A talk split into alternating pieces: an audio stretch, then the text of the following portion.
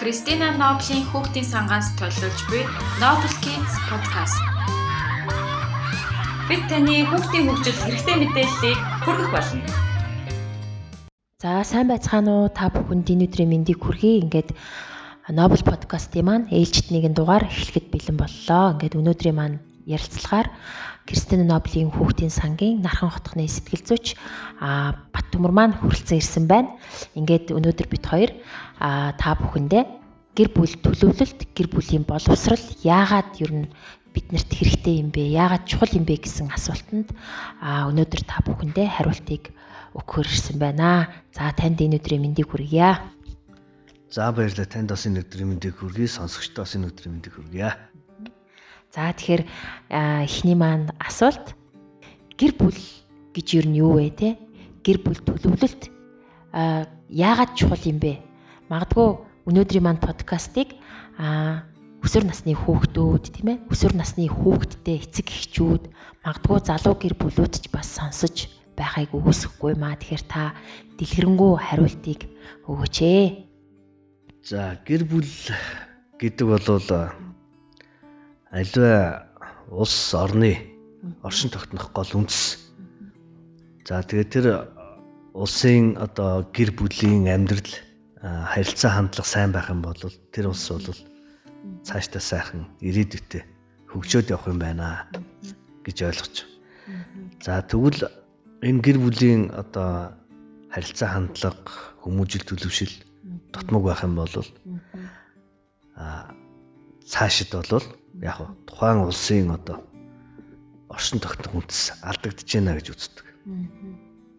Тэр ийм чухал байдаг дээр гэр бүл гэдэг бол өөрөө маш эмзэг шаазан шиг тэгээд тэнд бол боломжтой хандахгүй бол маш амархан хагарах салалт сарнилт үүсэх магадлал маш өндөр байдаг.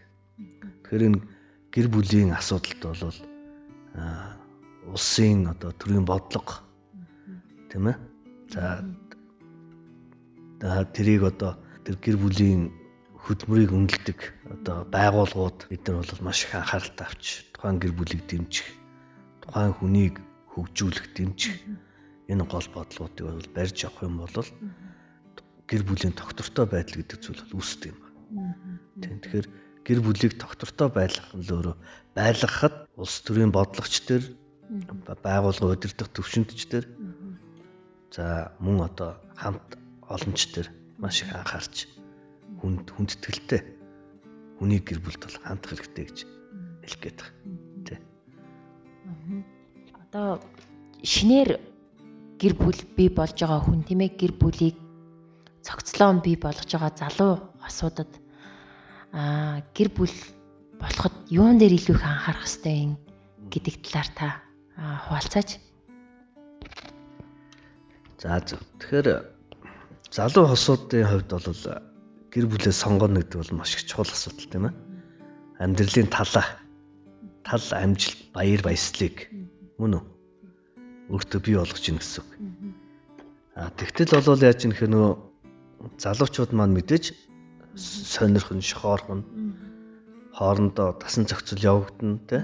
Тэгээ цаашид амьдрах амьдрахгүйгаа шийднэ тийм үү. А гэхдээ сэтгэл судлалын шинжилгээнд бол а гэр бүл болоход зарим нэг тохироонуудыг бий болгочулах эрсдэл багтаа байдаг гэж үздэг л дээ. Жишээлбэл үүнд одоо мэдлэг боловсролын тохироо гэж байна. Аль болох мэдлэг боловсрол ойролцоо байх. Амьдралыг харгах үнцэг ойролцоо байх. Шашин шүтлэг ойролцоо байх, тийм ээ. Эдийн засгийн байдал бас ойролцоо байх. А мөн одоо зан аран шингийн хувьд бол эсрэг тесрэг байх одоо темперамент гэж ярьдаг тийм ээ. Нэг нь сангвиник одоо сэргэлэн цоохон байх нөгөөх нь меланхолик одоо тийм даруй төлөв хүн байх жишээ нь юм нухацтай юмд ханддаг тийм. Ийм одоо тохироонууд байж ич. За дээр нөгөө бэлгийн харилцааны тохироо. Тийм. Энэ эдгээр бол нийцэмжтэй байж ич. Цаашид бол доктортой удаан амьдрах бас болцоо бас бүрдээд би би нэг дутууг нөхөх гэсэн утгатай. Тэ.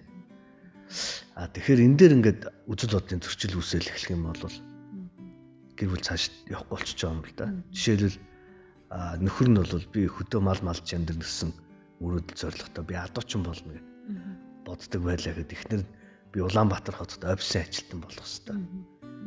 Улаанбаатар бол миний одоо ирээдүйн амьдралын баталгаач юм. А тэгсэн мөртлөө би чам тайртай чи надад гаднах байдал үзмж ааш зан царай төрөх бүх юм сайхан таалагдж байна.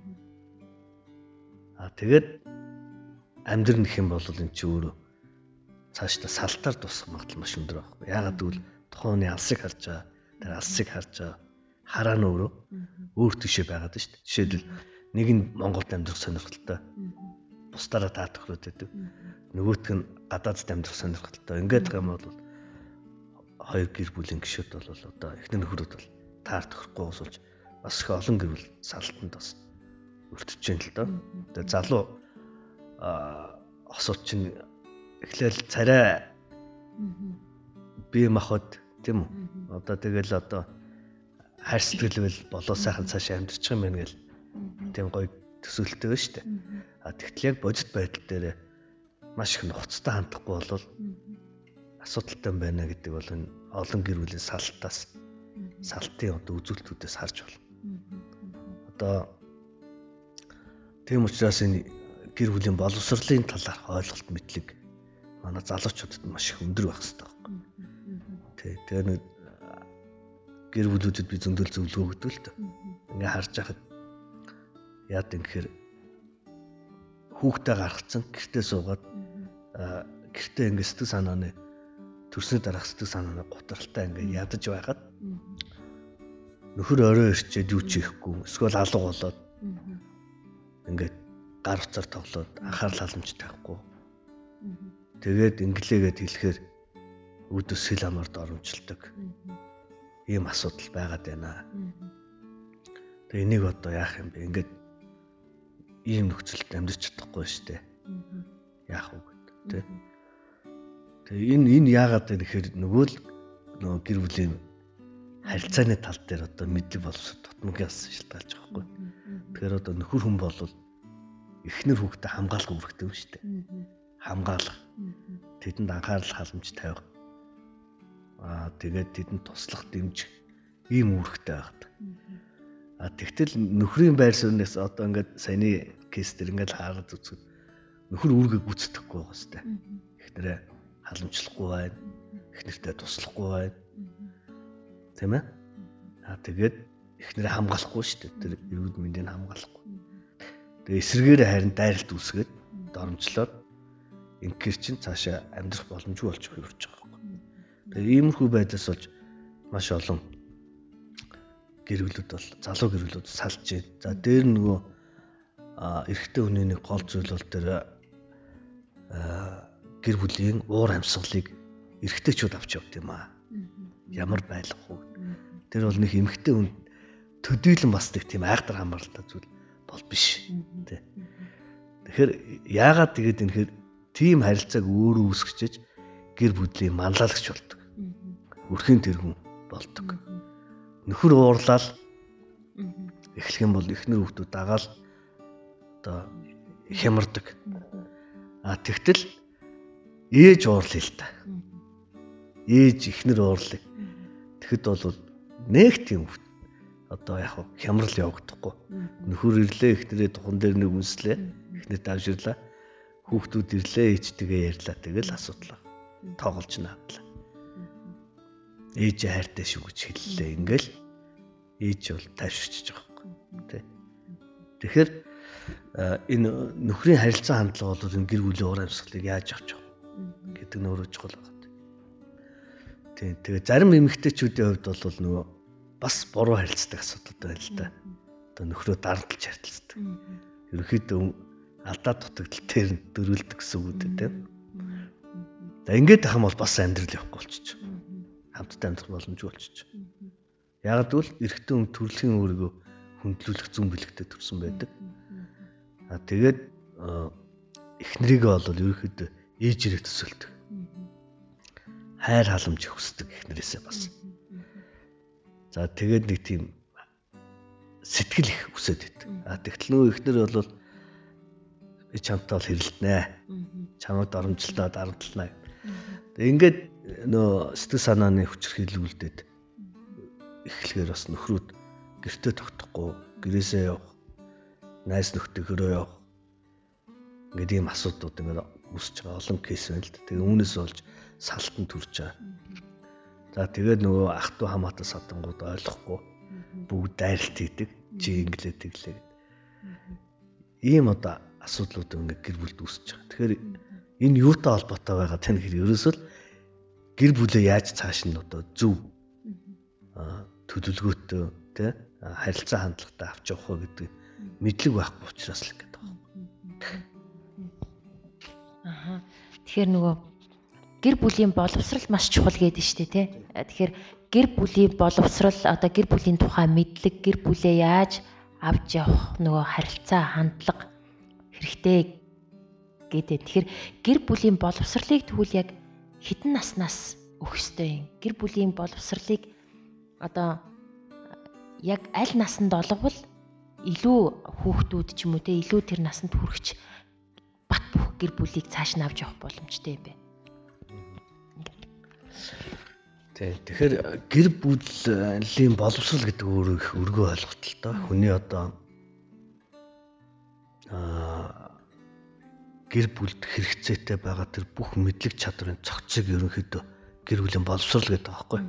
Тэгээ энэ дотор ч нөгөө хуулийн талын мэдлэг гэр бүлийн хууль. За тэгэл одоо нөгөө их нөхрийн хоорондын харилцаа. За тэгэл одоо ёс зан шил өө уламжлал гэр бүлийн эрүүл мэнд эдийн засаг гэдэг тэ? Гоо зүй гих мэтлээ ингээд ярих юм бол цаашаа олон зүйл ярих тэ? Хүүхдийн хүмүүжил тэр эдгээр чинь бүгд ингээд хүний амьдрахад одоо шаардлагатай байгаа мэддэг чадварын цогцыг гэр бүлийн боловсрал гэдэг байгаа учраас энэ өөрөө айгүй өргөн хүрээнд судлагдчих ингээд хүн бол суралцаар байгаа л өвд болох ийм зүйл болчиход байгаа байхгүй юу. Тийм.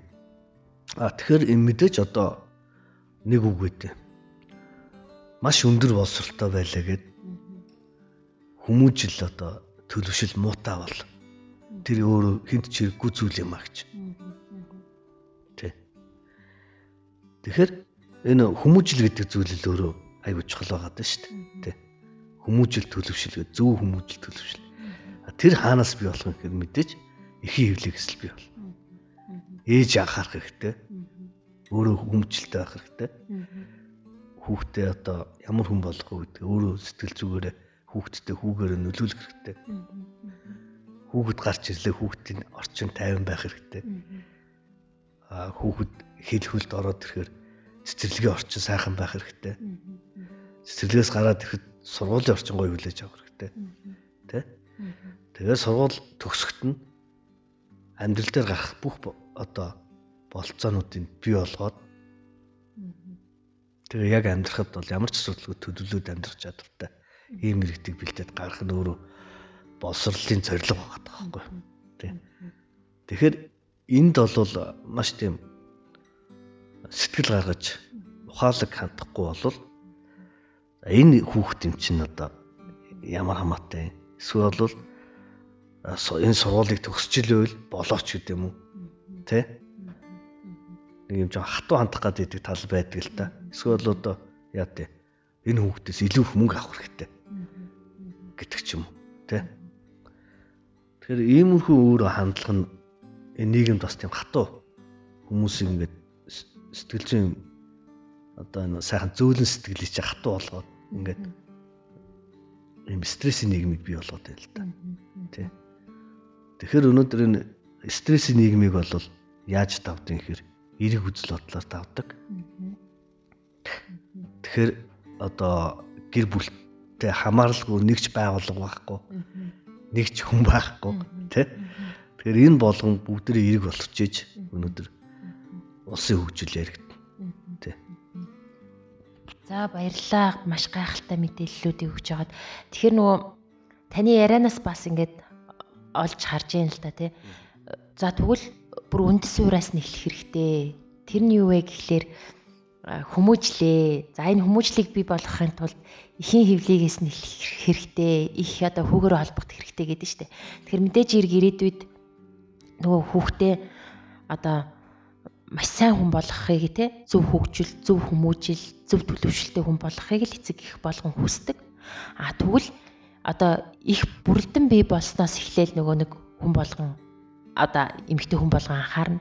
Тэгээ би юу гэж асуух гээд байна вэ гэхээр тэгвэл нөхрийн үүрэг юу вэ? Та эхнэр нөхрийн одоо үүрэг хариуцлагын талаар бас хуваалцаач те. Мэдээж хэрэг одоо эмэгтэй хүн бол аа маш тайван байгаа л тухайн одоо бүрэлдэж бий болсноос хойш төрөн төртөл маш тайван байх хэвээр хүүхдтэйгээ ярилцсан. За тэгвэл гараад эхийн хөвлөгөөс бүрэлдэн бий болоод эхийн хөвлөгөөс гарч ирснээс хойш нөхрийн үүрэг, эхнэрийн үүрэг юу юм болоо та сонсогчтой бас хуваалцаач ээ. Тийм. Тэгэхээр яг хэрэгтэй газар нь байх гэдэг нэг үг байдаг шүү дээ, тий. Тэгэхээр яг эхнэрт нөхөр бол яг жирэмсэн байх ч тэр төрснөө дараач тэр маш хэрэгтэй байдаг. Нөхөр хажууд нь байх. Тэгжээж нөгөө нөмөр нөөдлөг өшөө илүү нөхрөө хайрлж дурлах. Тэ энэ процесс бий болдог. Тэр үед нөгөө аав нар ч хөдөө ажиллаар явчихад байгаа байхгүй. Тэ эхнэрээ өрхөө гадаад явцсан байна. Эхнэрээ өрхөөд оюу толгоор явцсан байна. Эхнэрээ өрхөө дуулуурахаар явцсан. Аа тэгээд иймэрхүү асуудлууд бол маш хэмжиг тусдаг л та. Тэ. Тэгээд ер нь бол хамгийн гол нь эхнэртэйгээ их ойрхон байх хэрэгтэй. Одоо эхнэр нь жирэмсэн байхад эхнэрээ хуурчлаа гэж олон эмэгтэйчүүд гомдолж байдаг тийм. Эн чи ерөөсөө юу харагдаад байна гэхээр ерөөсөө гэр бүл бэлтгэдэггүй.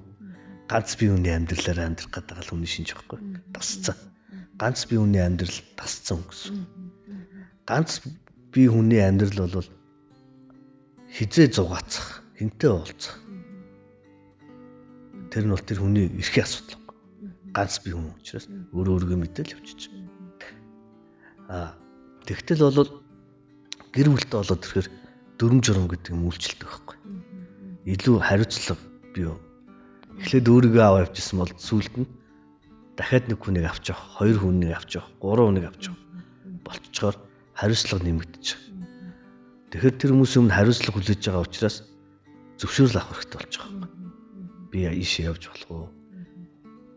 Ийм хүмүүстэй уулзч болох уу гэдэг ингээд зөвшөөрөл Тэгээд энийг ойлголцохгүй болол яадаг вөхөр зөвшөөрөл авахгүйгээр толоо мэдж би даа шийдвэр гаргах.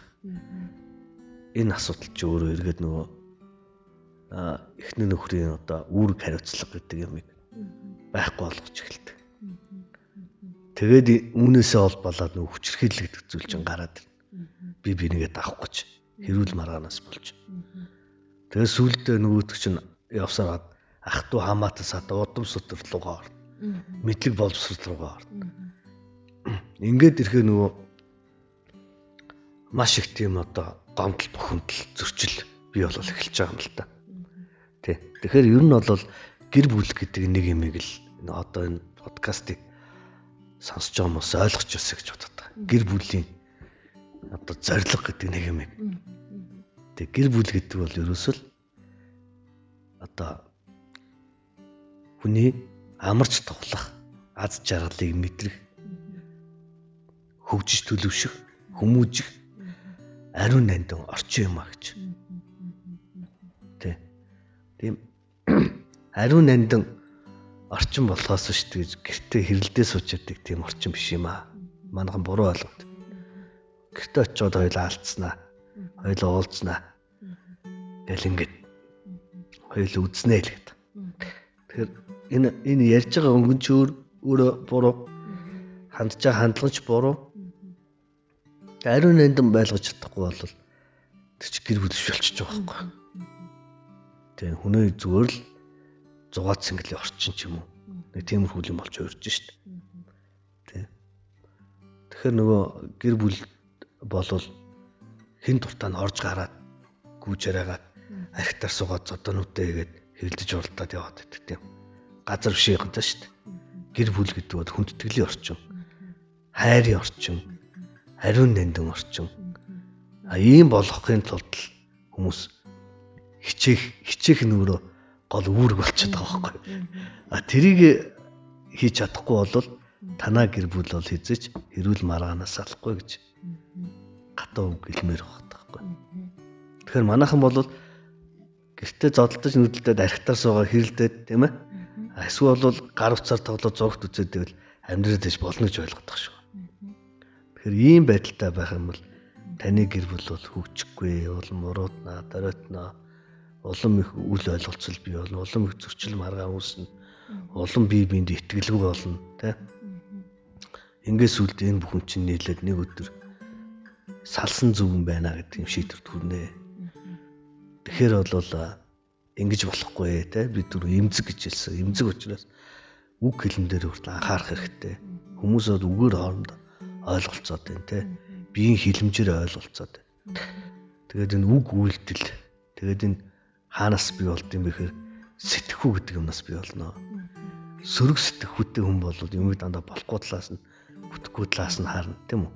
А эрг сэтгүүтэй хүн бол юмыг болох бүтээх талаас нь харна. Тэгэхээр энэ подкастыг сонсч байгаа хүмүүс те а эрг байвал яах нь вэ? А миний хэлж байгаа үг бас ойлгоо цаашаа амьдралдаа хэрэгжүүлэх гээд явах гээд үзэх нь үйлдэл гарах гэдэг шүү дээ. Эргээр сэтгэж байгаа учраас. А сөргөөр сэтгэж байгаа хүн бол та энэ юм ярьж л өгдөг шүү дээ, тэ. Эзэн юм байсан худлаа ярьж чинь гэдэг юм уу тийм үү? Ингээд үүсгэх эхэлдэг баг. Ингэснээр бол яг тэр хүнд бол дээш дивжээд амьдрал нь сайн сайхан болоод тах юм бол байхгүй гэсэн. Тэгэхээр энийг л ялгаж бид нар ойлгох сурах хэрэгтэй. За баярлалаа. Тэгэхээр сүүлийнхаа асуултыг тавья. Бид хоёрын маань ярьцлагын цаг дуусж байна. Тэгэхээр гэр бүл гэдэг бол яг л шаазан аяг шиг маш хэврэг зүйл шүү гэдгийг ойлгож авч байгаа ах манай сонсогчд маань. Тэгэхээр түрүүн тэгтлээ шүү дээ. Гэр бүл гэдэг бол одоо аж жаргалыг мэдрэх, амар амгалан мэдрэх тэр орчин юм аа. Аа тэгвэл одоо сонсож байгаа магадгүй өсвөр насны хүмүүс сонсож иж магадгүй эсвэл одоо төрөл бүрийн насны хүмүүс сонсож байгаа те тэгвэл нэгэнтээ одоо сайхан гэр бүл болцсон хүмүүст та юу гэж хандж хэлмээр байна? Эсвэл хараахан гэр бүлээ төлөвлөж амжаагүй одоо өсвөр насны хүүхдүүд магадгүй залуу хүүхдүүд байвал та юун дээр анхаараарай гэж хэлвэ та гоё юм зөвлөмжийг өгөөч ээ. За тэгээд өсвөр насны хүүхэд залуучуудад хандаад хэлэхэд а 25 хүртэлх нас бол хүний хамгийн чухал нас. Ялангуяа одоо хөгжих хамгийн одоо бусдаас баг хамаарч өөр өөртөө цаг гаргаж өөрийгөө өөрийнхөө одоо мэдлэг чадвар, ур чадварыг хөгжүүлэх ийм гоё сайхан нас байдаг. Тэгээ энэ насыг л хий димээ те зүйлд одоо цагаа зарцуулаад бити үрчээсэ 25 наснаас хойш бол их нэртэй болдог, нөхөртэй болдог, хүүхэдтэй болдог, ажилтай болдог. Тэгээд завгүй болдог. Өөрийгөө хөгжүүлэх зав гаргаа байлдаг. Тэ нэг юм байдаг учраас одоо яг өөрийгөө хөгжүүлж ирээдүйн алсын зорилгоо тодорхойлж тэгээд яг уу гэр бүлээ зөв төлөвлөнө. Энэ бол ухаалаг амьдрах гэсэн утга. Гэр бүл төлөвлөнө гэдэг ч юм бол тий. Ухаалаг байгаа тий. А намайг бол жоохон байхад бол би бол ерөөсөө аав хүн гэж юу гэдгийг мэдэхгүй, хүний нөхөр гэж юу гэдгийг мэдэхгүй. Их нэртэй болно гэдэг яадаг мэдэхгүй. Хүүхдтэй болно яадаг би өсвөр насндаа юу ч мэддгүй тийм хүүхд байсан. А тэгээд ах эгч нарынхаа ингээ гэр бүлийг хараад а гэр бүл гэдэг чинь ихтэн хүрээд чинь иймэрхүү л юм байд юм байна тэ? Тийм үү? А тэгтэл магадгүй таны эргэн тойронд маш буруу үйлдэлтэй буруу амьдарч байгаа хүмүүс байх магадaltaй байхгүй ялангуяа өсвөр насны хүүхдүүдийн донд. Буруу үзэл бодолтой амьдрал авч явдаг буруу үйлдэлтэй тэгээ буруу дүүрэл үзүүлдэг. Ийм хүмүүс ингээд ээж аав нар ах эгчнэр ингээд олон харагдаж магадгүй. Тэгэх юм бол ийм гэр бүл гэдэг чинь энэ бол биш шүү те. Хамгийн гол нь гэр бүл гэдэг бол маш ухаалаг те. маш зохион байгуулалттай яг яг л улсыг хөгжүүлэхтэй адилхан. Ийм одоо гол ойлголт учраас энэ дээр бол энэ одоо тэр чиглэлийн одоо магадгүй хичээлүүд орохгүй ч гэж болох юм 10 жилийн сургуульд. Ихтэй сургуульд. Мөн үү? Орохгүй гэж магадгүй шүү дээ. А тэгвэл одоо энэ мэрэгжлийн ордог тийм үү? Энэ сэтгэл зүйч нар гэр бүл судлаач нар ийм хичээл заадаг хүмүүстэй холбогдож зөвлөгөө авч сурах хэрэгтэй.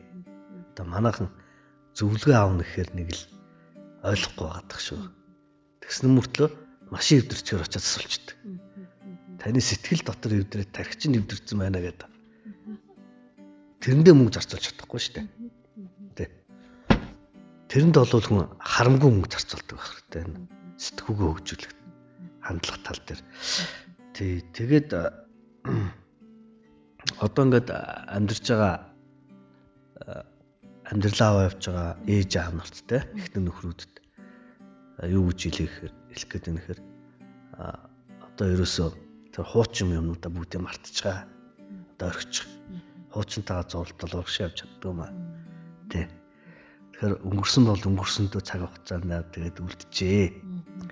За тэгвэл өнөөдрөөс айгаад шинээр зохион байгуулалт хийж болохгүй гэж. Тэм үү? Тэгээд цаашаа ингээ үнэхэр хамт амьдрах гэж байгаа бол шин зохион байгуулалтанд орооч. Тэ? Бусдын хажууд бие биендээ хүндэтгэлтэй хандж сураач. Тэм үү? Тэгээ үр хүүхдүүдтэй зөв хөлөөр дүрэл үзүүлээд тэдний хүмүүжил төлөвшөлд анхаараач. Тэ? Ажил амьдралын балансаа тэнцвэрчүүлээч. Тэм үү? Тэгээ энэ одоо хувь хүний ур чадвартай холбоотой ойлголтонд илүү анхаарлаа хандуулж. Ингээм болвол та маш гоё шилдэг гэр бүлийг бүтээх бүрэн боломж байна. Өнгөрсөн гэсэн ойлголт бол байхгүй. Өнөөдрөөс л эхлэх бүрэн боломж байна л гэж хэлмээр байна да. За баярлалаа. Тэгээд нэг ийм үг байдаг штэ. Ад жаргалтай өнгөж хэнийг хэлэх вэ? Гэд нэг хүнээс асуусан чинь нэгэн хүн хариулсан байдаг. Хүмүүс бас мэдж байгаа х тий. Аа ажилдаа 8 цагийг зарцуулдаг тийм ээ. А гэр бүлдээ очиод 8 цагаа зарцуулдаг, унтахдаа 8 цагаа зарцуулдаг хүнийг хэлнэ гэж нэг хүн хариулсан байдаг. Тэгэхээр энэ одоо үг гинт санаанд орсон таны сая ярьж байгаа яриатай бас уялдж байгаа юм болов уу гэж бодож байна л да тий. Ад жаргалтай эрүүл тэр гэр бүлийг одоо гэр бүлийн эрүүл харилцааг бий болгохын тулд та шинэ эхлэлийг эхлэечээ те яг л 8 цагийг та гэр бүлдээ гоё эрүүлэр те а сайхан аж жаргалтай тэр цагийг өнгөрүүлдэг байгаа ч та яг 8 цагаа унтаад сайхан нойроо авчвал таны эрүүл мэнд бас айгүй эрүүл байна гэдэг ийм бас мессежийг бас өгч байна. Тэгэхээр танд өнөөдөр маш их баярлалаа. Тэгээд сонсогчд маань гэр бүл маш ухаалгаар хандах хэрэгтэй юм байна гэр бүлийн харилцаа гэж маш чухал юм байна тий маш эмзэг мэдрэмтгий зүйл юм байна гэдэг талаар товчхон маш гайхалтай одоо мэдээллийг өгсөн танд маш их баярлалаа. Ингээд цаашдынх нь ажилд өндрөөс өндөр амжилтыг хүсье. За баярлалаа. Та бүхний ажилд өндөр амжилт хүсье.